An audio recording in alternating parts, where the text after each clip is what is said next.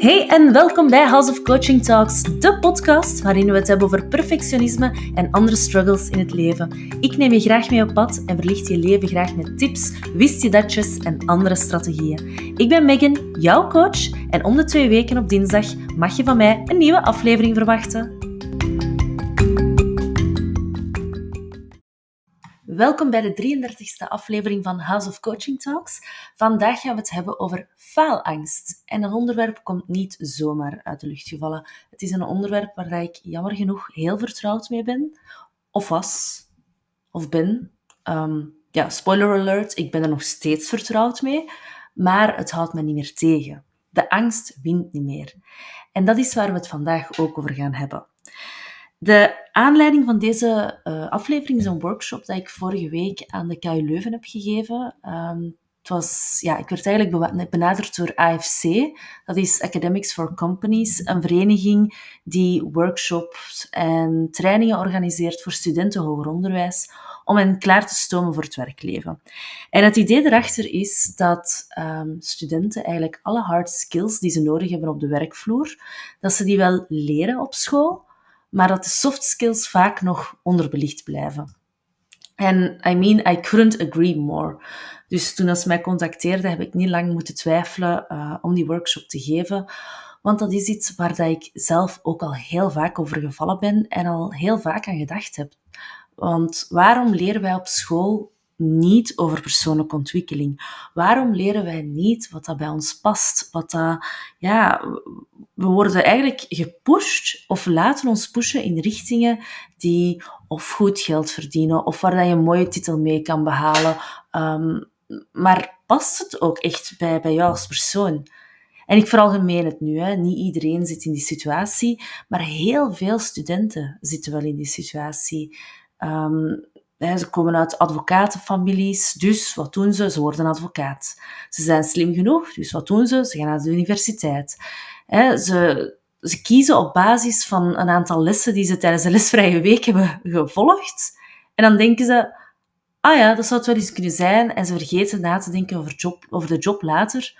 Of ze weten zelfs niet wat dat die job eigenlijk inhoudt. En hier heb ik dus puur over de fit van de studie, hè, over of het past bij jou als persoon, uh, of het past bij jouw persoonlijkheid. Maar je hebt een, goede portie soft skills nodig om te weten ook wie dat je als persoon bent. Want eerlijk, we worden zo gekneed en zo gevormd in onze tienerjaren, al is het door onze opvoeders, al is het om erbij te horen, hè, in het middelbaar er te willen bijhoren. En doorheen de jaren leren we onszelf eigenlijk niet goed kennen of we leren af hoe dat we eigenlijk zelf zijn. En het gevolg, ja, rebelleren, we beginnen angsten te ontwikkelen, er ontstaat perfectionisme, allemaal manieren om om te gaan met de wereld rondom ons, om te overleven op dat moment. En dat klinkt heel zwaar, hè, dat overleven, maar daarover gaat het wel. We zoeken iets om te compenseren, om ja, we vluchten dan in, in overmatig gaan studeren of net alle controle loslaten en passief worden. De high school dropouts.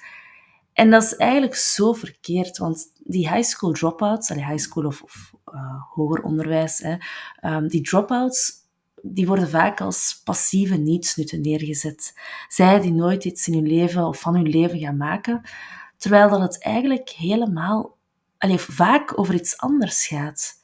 ze zitten niet op hun plaats. Ze, ja, en wat is hun overlevingsstrategie dan op dat moment? Bevriezen, niks meer doen, eigenlijk gaan afwachten.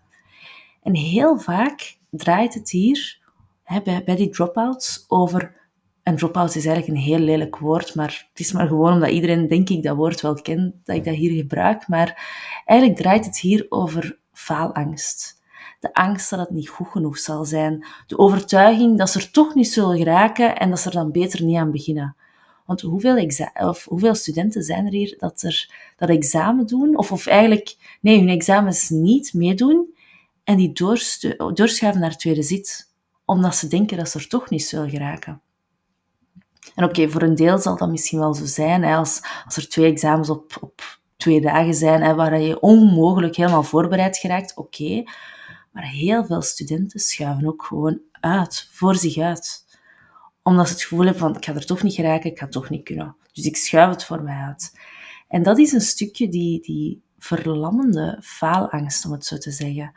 Ehm, want dat brengt hun, dat uitstellen, dat brengt hun terug naar een veilige modus. Een modus waar dat ze waar ze het gevoel hebben dat ze het op een of andere manier dan toch terug onder controle hebben. Hè.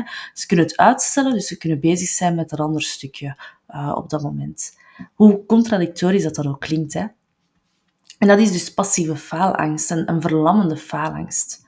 Nu, het tegenovergestelde is actieve faalangst. Een angst om de controle te verliezen, dat het uit je gedachten gaat bijvoorbeeld. Hè, er is een taak of je moet iets doen, dus de, de angst dat het, oh, als ik het nu niet direct doe, dat het, ja, als je het gaat uitstellen, dat het aan kracht gaat verliezen of dat jij het gaat vergeten. Zo die angst.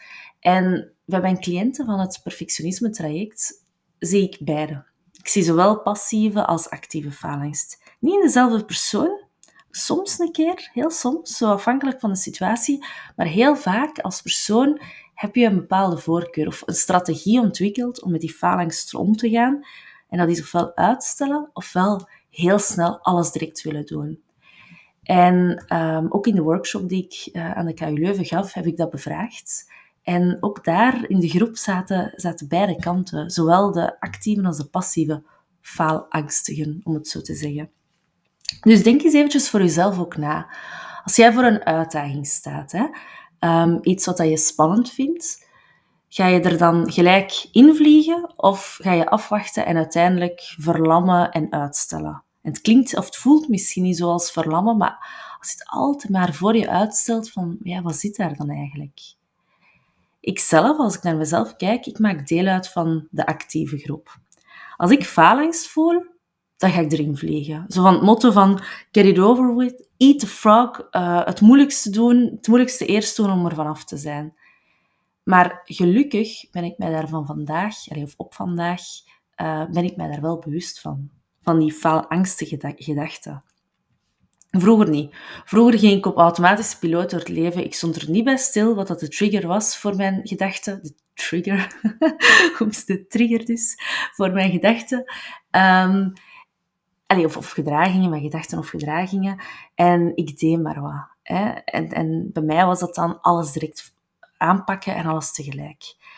En dat is de reden dat ik aan het begin ook zei dat ik mij niet meer laat tegenhouden door faalangst.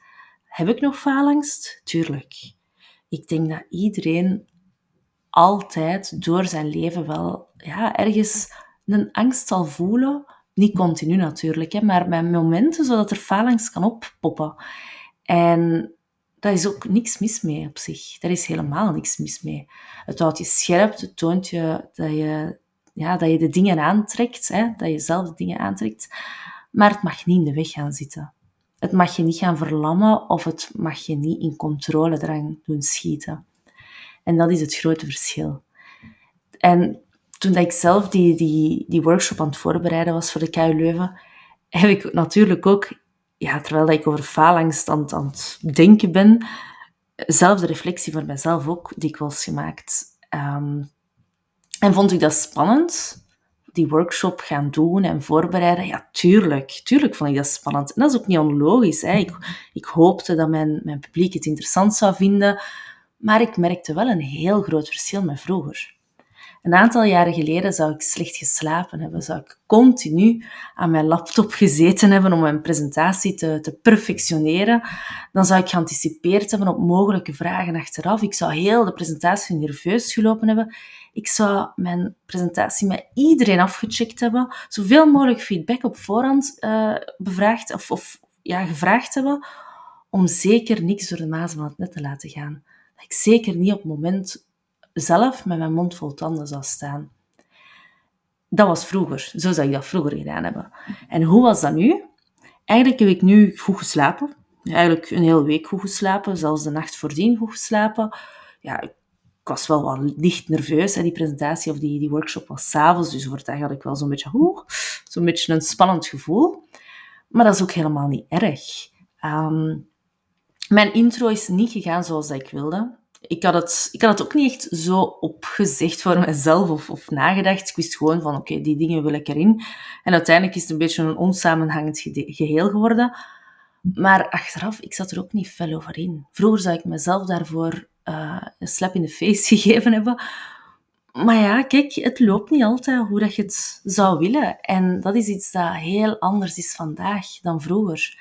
Um, ook die presentatie, ik heb die in één namiddag gemaakt. Um, ik heb die een keer voor mezelf opgezegd, maar niet continu, want daar heb ik eigenlijk nooit in geloofd, want dat zijn zo de momenten dat je blackouts krijgt als je je woorden voorkoudt, dus daar geloof ik sowieso niet in. Um, ik heb het zo een keer opgezegd voor gewoon mijn timings in toog te houden, want ik had wel uh, een timeschedule. Ik moest mij binnen een bepaalde timing houden. Dus ja, en dat, en dat lukte gewoon. Ook die vragen achteraf. Mijn vroegere ik zou die, oh, ik zou een, een overzicht gemaakt hebben met mogelijke vragen, dat ik zeker op elke vraag zou kunnen antwoorden. Maar dat is onbegonnen werk. Dus ja, die vragen, ik heb die gewoon rustig beantwoord. En ik vond dat eigenlijk heel leuk. Ik vond dat misschien nog het leukste moment van heel de workshop. Gewoon in interactie heel de tijd met de mensen. En, en, en ja, zeggen waar dat ik in geloof, waar ik voor sta. Uh, andere points of view te zien en daarmee in dialoog gaan. Dus uiteindelijk ben ik heel dicht bij mezelf gebleven. En dan kunt je wel zeggen van, ja, Megan, heb het u dan wel goed of voldoende aangetrokken? Hè? Zo die presentatie in één namiddag maken. Maar ja, tuurlijk. Tuurlijk trek ik mij dat aan. Ik, ik wil nog altijd resultaat afleveren. Dat zit in mijn DNA. Als ik ergens voor ga, dan ga ik ervoor. Maar ik laat het niet doorslaan. Um, ik wil dat vanuit een, een, soort rust doen en iets waar ik mezelf ook goed bij voel. Um, zo van, het zal wel goed zijn, ik zal wel goed zijn en, en zo kom ik in mijn kracht te staan. Dat is eigenlijk hetzelfde met deze, met deze podcast. Ik ken mensen met een podcast die editen voor zot. ik, ik begin daar zelfs niet aan, want dat zou voor mij de fun van de podcast eraf nemen. Ja, en ik hakkel soms een beetje en ik zeg woorden verkeerd en ik, ik raak niet uit mijn woorden of allee, die zaken allemaal. Of, of ik kuch een keer, of, of, je hoort een keer iets kraken. Zoals vandaag is mijn stoel heel hard aan het kraken. Ik heb zo'n kniestoel en dat kraakt zo, dat, dat schommelt en dat kraakt.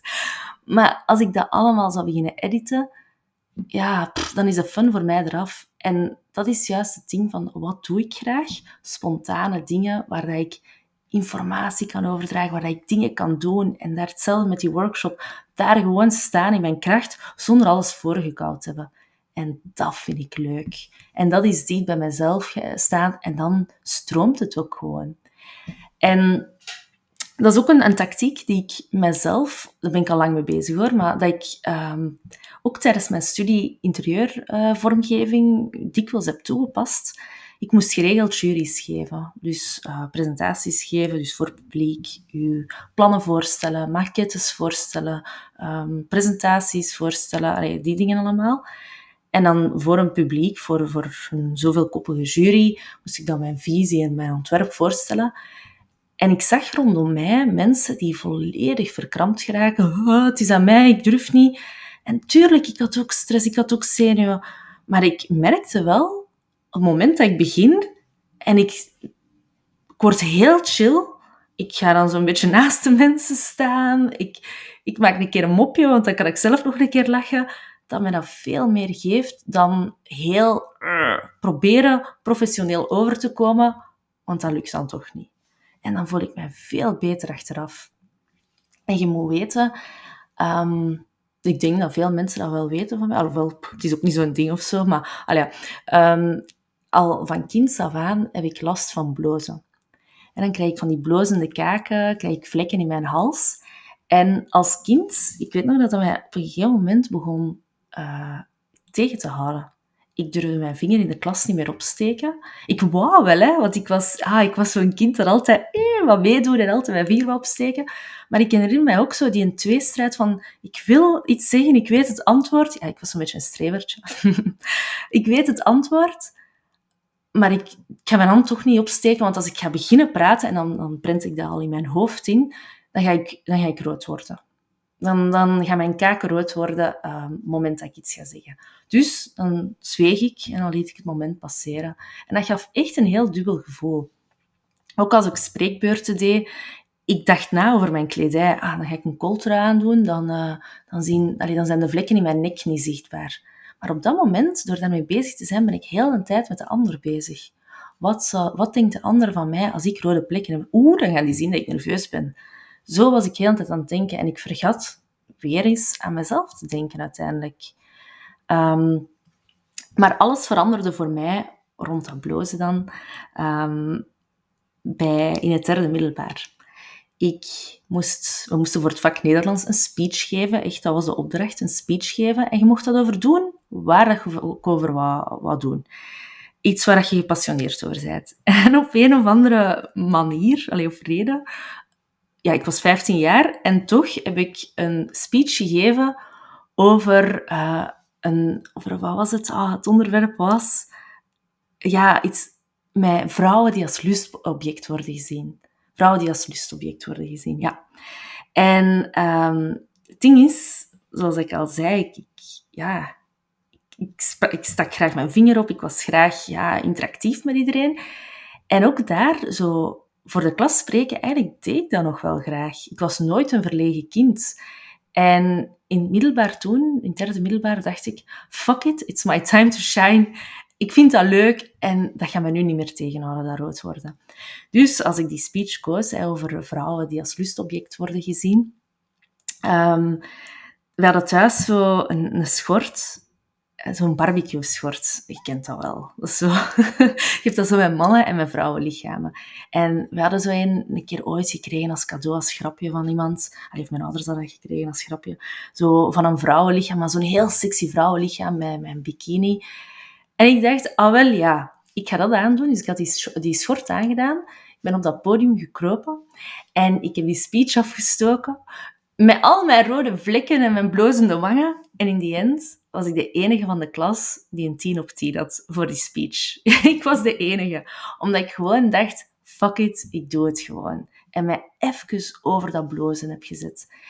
En toen wist ik voor mezelf van, oké, ik laat me niet meer tegenhouden. Allee, toch niet door die rode vlekken. En die rode vlekken, die heb ik vandaag nog altijd. Ik heb die als ik iets spannend vind. Maar even goed als ik gepassioneerd aan het spreken ben. Ik denk zelfs... Ik ga even kijken.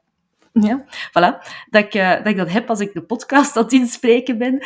Um, ik heb dat als ik iets van alcohol drink. Eigenlijk heb ik dat bijna altijd. Wel, en het leven zou te kort zijn om mij door die onbenulligheden te laten tegenhouden. En dus houdt mij dat ook niet meer tegen. Dat kan mij niet schelen. Ja, tuurlijk denk ik wel al jammer hè, als, ik, als ik nu een podium afstap of, of ergens wegga. En ik dan zo in de spiegel kijk en dat ik denk, hè, oh, bent weer al zo rood. Waarom eigenlijk? Want, allez, waarom, eerlijk gezegd? Vaak gaat dat zelfs niet over nerveus zijn. Dat gebeurt gewoon van, van de inspanning of zo, van de adrenaline. Maar dan denk ik ook, oh, damn, goed gedaan, kom. En dat geeft zoveel kracht. Ik heb mijn angst leren omzetten in kracht. En dat heeft mij al zoveel gebracht. En ik geef nu het voorbeeld van die rode vlekken. Hè. Maar het gaat even goed over angst om af te gaan als een gieter, om een blackout te krijgen, om een project niet goed af te krijgen of niet op tijd af te krijgen. Maar you can't be perfect at everything. Vergeet jezelf eens wat meer, of, of vergeef, sorry, niet vergeet, niet jezelf vergeten, maar vergeven. Vergeef jezelf eens wat meer en durf eens te falen. Dat is ook iets dat ik tijdens de workshop aan de studenten uh, vertelde. Falen, dat klinkt als iets vaststaand. Het is alsof dat je gefaald hebt en there's no going back. En ik had onze goede vriend Simon Sinek, ik denk dat veel mensen die wel zullen kennen van de TED Talks, ik had die er toen als, als voorbeeld bijgehaald. Ik had een filmpje laten zien, omdat ik vond dat hij dat zo mooi verwoordde. Als je eens googelt op choose failing, uh, choose falling over failure van Simon Sinek, dan kan je dus dat YouTube-filmpje zien waar dat hij uitlegt hoe dat falen als iets ja, te groot gezien wordt. En dat we daarbij beter over vallen spreken. Ik ga nu even op pauze duwen, want ik moet even hoesten. ja, als ik het hoestje voel aankomen, dan heeft het geen zin om je daarmee te bombarderen in de oortjes of op welke manier dat je ook luistert. Um, dus voilà, hier ben ik weer. Um, over wat was ik bezig? Ja, over Simon Sinek en over uh, falen. Ja, en, en Simon Sinek die zegt van, eigenlijk zouden we beter over, over vallen spreken. Hè? Een, een kind dat leert fietsen, zoals wat ik ervan gemaakt heb, van, van het voorbeeldje van vallen. Um, Als we zelf kijken eens naar een kind dat leert fietsen, dat valt zo vaak tot hij kan leren fietsen. Maar er is geen enkel kind, of bijna geen enkel kind denk ik dan, dat de eerste keer zegt van hé, hé, dat was het dan, ik ga iets anders zoeken, want ik ben gefaald en dat fietsen is blijkbaar niet voor mij. Nee, omdat het kind valt en het faalt niet.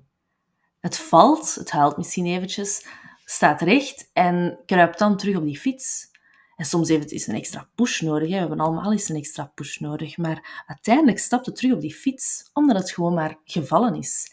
En als we zo naar falen gaan kijken, alsof dat vallen is, dan is een groot project veel minder groot of veel minder vaststaand of uh, determinerend. Of beter, nee, de angst voor het project is minder groot. Het project kan nog altijd groot zijn, maar de angst ervoor is minder groot. Hoeveel mensen zijn in burn-out gegaan? Zagen dat als een grote schande of een schaamte, een, een enorm falen, omdat ze zichzelf en de werkgever in de steek lieten. En achteraf bleek dat die put in de weg of in de straat, hè, waar dat ze gevallen zijn, dat hen dat veel verder heeft gebracht dan dat ze ooit konden bedenken. Het leven gooit continu met modder. We glijden constant uit, er zijn continu putten in de weg. Maar als we leren dat dat allemaal hiccups zijn onderweg, en dat dat dingen zijn om ons andere richtingen uh, te laten uitgaan, om ons eens te laten afslaan in een ander baantje, om daar eens te gaan kijken wat het daar is, dan blijkt dat het achteraf, ja, dat het eigenlijk vrij boeiend is. We leren uit alles, maar echt uit alles. Maar we leren pas als we er ons ook bewust van zijn. Als we niet op automatische piloot leven, maar als we bij een vallen stilstaan bij, oké, hoe kan ik het volgende keer anders doen? Of wat heb ik eruit geleerd? En ik ontken de pijn van vallen niet, voor alle duidelijkheid. Integendeel, het zal dik sukken als er iets niet direct lukt of als een presentatie volledig de mist ingaat. Dat is niet fijn. En daarover gaat het hier ook niet. Maar het gaat erover dat je er sterker kan uitkomen als je wilt. Als je er wilt bij stilstaan. Als je er wilt uitleren. Dus om deze aflevering af te ronden, zou ik je um, twee vragen willen stellen. Twee vragen om eens bij jezelf na te gaan. En de eerste is, in welk type faalangst herken jij jezelf? Dus de actieve faalangst of de passieve faalangst? Welke is het meeste aan het woord? Want als je bijvoorbeeld een uitsteller bent, kijk dan ook eens van, oké, dat uitstellen, waarom doe ik dat eigenlijk? Doe ik dat omdat ik het niet leuk vind? Want dat kan ook. Is gewoon geen leuke taak. Ik, strijk, ik, ik, strijk dat uit. Ik was aan het strijken dat is zoiets dat ik uitstel, maar dat is niet uit angst. Dat is gewoon omdat ik dat echt niet, niet leuk vind. Dat vind ik echt bol. Dus dat is iets heel anders. Maar uitstellen omdat je denkt dat het niet goed genoeg zal zijn, omdat je bang bent van, ha, ik weet niet hoe ik eraan moet beginnen, dat zit eerder bij passieve faalangst. En dan is er nog die actieve faalangst, dat je direct alles aanpakt. Dus denk eens na, welk type faalangst herken jij jezelf het meeste in? En dan de tweede vraag, um, het is eigenlijk geen vraag, het is eerder een klein opdrachtje. Zet je de komende dagen eens in om um, bewust te zijn van je faalangst. Dus om daar echt een keer op te gaan letten. Meestal begint het bij je lichaam. Hè. Je voelt je nerveus, misschien prikkelbaar, um, gefrustreerd. Misschien merk je, als je er echt bewust van bent, dat je ademhaling opeens heel kort en heel krachtig en heel snel wordt. En dat zijn mogelijke signalen dat er angst om de hoek loert. Het kunnen ook andere dingen zijn, hè? maar als we echt zo naar angst gaan kijken. En sta er eens bewust bij stil. Over wat gaat het hier eigenlijk? Hoe kan ik mij op dat moment in de juiste mindset zetten? En als je nadien het gevoel hebt dat je gefaald hebt, hè, wat heb ik er dan uit geleerd? En als jij een sterke innerlijke criticus hebt, zo'n stemmetje dat continu, zo'n innerlijk stemmetje, hè, dat continu kritiek levert op alles wat je doet, op hoe je eruit ziet, is het misschien ook wel eens interessant om die oefening eens te doen naar het verleden toe. Noteer dan eens um, alles van dingen die je gedaan hebt. Dat is een hele uh, fijne oefening om te doen. Dus een, een blad papier nemen en chronologisch is al je studies, je jobs, je relaties, misschien hobby's um, erbij zetten, of erop zetten. En dan ernaast zetten wat dat je er elke keer uit geleerd hebt. Dus focussen op de learning in plaats van op de pijn. En daarmee wil ik uh, deze 33e aflevering afsluiten. Um, heb jij nog vragen over faalangst? Dan kan je mij uiteraard altijd contacteren voor een vrijblijvend gratis kennismakingsgesprek. Dat kan je boeken op mijn website houseofcoaching.be of via Instagram staan er ook een paar linkjes naartoe. En misschien kan ik dan wel jouw coach worden om jouw pad te zetten naar een, een vrijer leven, om het zo te zeggen. En vond je deze, waarde, of deze aflevering waardevol, liever? Deel hem dan zeker via Instagram en vergeet vooral mij niet te taggen, want anders kan ik het niet zien als je het gedeeld hebt, op houseofcoaching.be. Bedankt om te luisteren en heel heel graag tot de volgende!